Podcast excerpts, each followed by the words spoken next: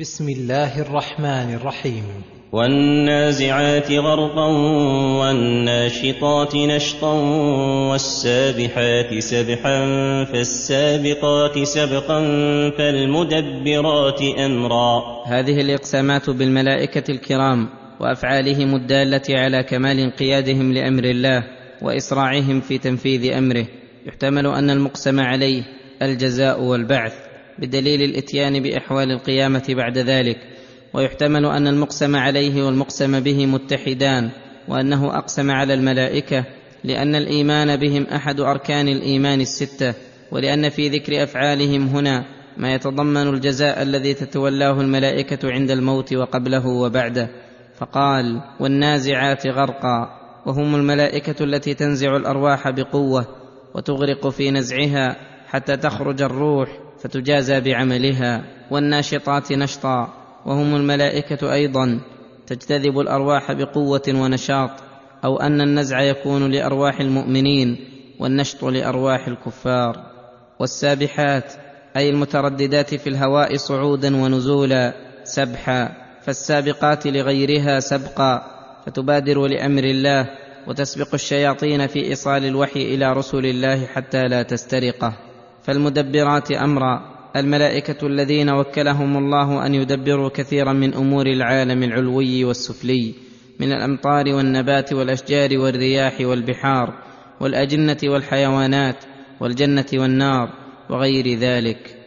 يوم ترجف الراجفة تتبعها الرادفة قلوب يومئذ واجفة أبصارها خاشعة. يوم ترجف الراجفة وهي قيام الساعة تتبعها الرادفة أي الرجفة الأخرى التي تردفها وتأتي تلوها. قلوب يومئذ واجفة أبصارها خاشعة. قلوب يومئذ واجفة أي موجفة ومنزعجة من شدة ما ترى وتسمع. أبصارها خاشعة. أي ذليلة حقيرة قد ملك قلوبهم الخوف وأذهل أفئدتهم الفزع. وغلب عليهم التأسف واستولت عليهم الحسرة. يقولون أي الكفار في الدنيا على وجه التكذيب. يقولون أئنا لمردودون في الحافرة أئذا كنا عظاما نخرة. أي بالية فتاتا. قالوا تلك إذا كرة خاسرة. أي استبعدوا أن يبعثهم الله ويعيدهم بعدما كانوا عظاما نخرة. جهلا منهم بقدرة الله وتجرؤا عليه. قال الله في بيان سهولة هذا الأمر عليه. فإنما هي زجرة واحدة فإذا هم بالساهرة. فإنما هي زجرة واحدة ينفخ فيها في الصور فإذا الخلائق كلهم بالساهرة أي على وجه الأرض قيام ينظرون فيجمعهم الله ويقضي بينهم بحكمه العدل ويجازيهم. هل أتاك حديث موسى؟ يقول الله تعالى لنبيه محمد صلى الله عليه وسلم هل أتاك حديث موسى؟ وهذا الاستفهام عن أمر عظيم متحقق وقوعه. أي هل أتاك حديثه؟ إذ ناداه ربه بالوادي المقدس طوى. وهو المحل الذي كلمه الله فيه وامتن عليه بالرسالة واختصه بالوحي والاجتباء. فقال له اذهب إلى فرعون إنه طغى. أي فانهه عن طغيانه وشركه وعصيانه بقول لين وخطاب لطيف لعله يتذكر أو يخشى. فقل هل لك إلى أن تزكى وأهديك إلى ربك فتخشى. فقل له هل لك إلى أن تزكى؟ أي هل لك في خصلة حميدة ومحمدة جميلة يتنافس فيها أولو الألباب وهي أن تزكي نفسك وتطهرها من دنس الكفر والطغيان إلى الإيمان والعمل الصالح. وأهديك إلى ربك فتخشى. وأهديك إلى ربك أي أدلك عليه وأبين لك مواقع رضاه من مواقع سخطه. فتخشى. فتخشى الله إذا علمت الصراط المستقيم فامتنع فرعون مما دعاه إليه موسى. فأراه الآية الكبرى. أي جنس الآية الكبرى فلا ينافي تعددها. فألقى عصاه فإذا هي ثعبان مبين ونزع يده فإذا هي بيضاء للناظرين. فكذب وعصى ثم أدبر يسعى فحشر فنادى. فكذب بالحق وعصى الأمر. ثم أدبر يسعى. أي يجتهد في مبارزة الحق ومحاربته. فحشر فنادى. فحشر جنوده أي جمعهم فنادى. فحشر فنادى فقال أنا ربكم الأعلى فأخذه الله. فقال لهم أنا ربكم الأعلى فأذعنوا له وأقروا بباطله حين استخفهم. فأخذه الله نكال الآخرة والأولى. أي صارت عقوبته دليلا وزاجرا ومبينة لعقوبة الدنيا والآخرة. إن في ذلك لعبرة لمن يخشى. فإن من يخشى الله هو الذي ينتفع بالآيات والعبر. فإذا رأى عقوبة فرعون عرف أن كل من تكبر وعصى وبارز الملك الأعلى عاقبه في الدنيا والآخرة. وأما من ترحلت خشية الله من قلبه فلو جاءته كل آية لم يؤمن بها. أأنتم أشد خلقا أم السماء بناها يقول تعالى مبينا دليلا واضحا لمنكر البعث ومستبعدي إعادة الله للإجساد. أأنتم أيها البشر أشد خلقا أم السماء؟ ذات الجرم العظيم والخلق القوي والارتفاع الباهر. بناها. بناها الله. رفع سمكها فسواها. رفع سمكها أي جرمها وصورتها فسواها بإحكام وإتقان يحير العقول ويذهل الألباب. وأغطش ليلها وأخرج ضحاها.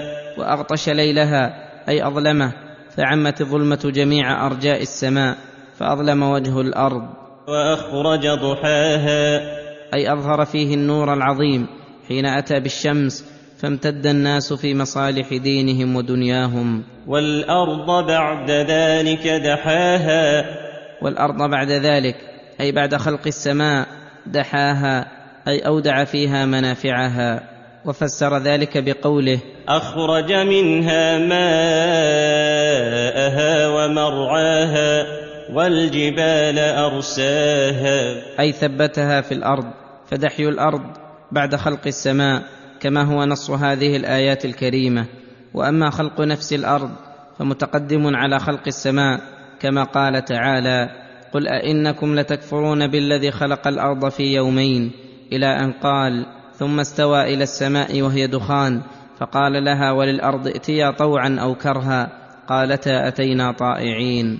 فالذي خلق السماوات العظام وما فيها من الأنوار والأجرام والأرض الكثيفة الغبراء وما فيها من ضروريات الخلق ومنافعهم لا بد أن يبعث الخلق المكلفين فيجازيهم على أعمالهم فمن أحسن فله الحسنى ومن أساء فلا يلومن إلا نفسه.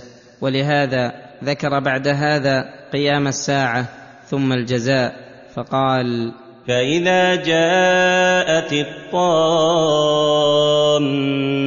الكبرى يوم يتذكر الإنسان ما سعى. أي إذا جاءت القيامة الكبرى والشدة العظمى التي يهون عندها كل شدة فحينئذ يذهل الوالد عن ولده والصاحب عن صاحبه وكل محب عن حبيبه. يوم يتذكر الإنسان ما سعى. ما سعى في الدنيا من خير وشر فيتمنى زيادة مثقال ذرة في حسناته. ويغمه ويحزن لزيادة مثقال ذرة في سيئاته ويعلم إذ ذاك أن مادة ربحه وخسرانه ما سعاه في الدنيا وينقطع كل سبب ووصلة كانت في الدنيا سوى الأعمال. وبرزت الجحيم لمن يرى.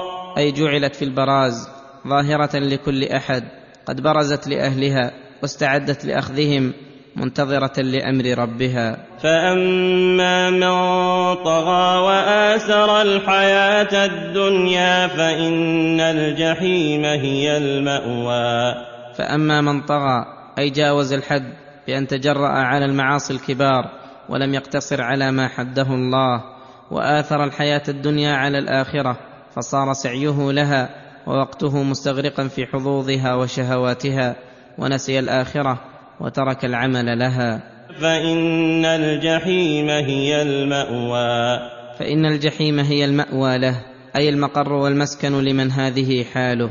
وأما من خاف مقام ربه ونهى النفس عن الهوى فإن الجنة هي المأوى. أي خاف القيام عليه ومجازاته بالعدل فأثر هذا الخوف في قلبه. فنهى نفسه عن هواها الذي يقيدها عن طاعة الله وصار هواه تبعا لما جاء به الرسول وجاهد الهوى والشهوة الصادين عن الخير. فإن الجنة هي المأوى.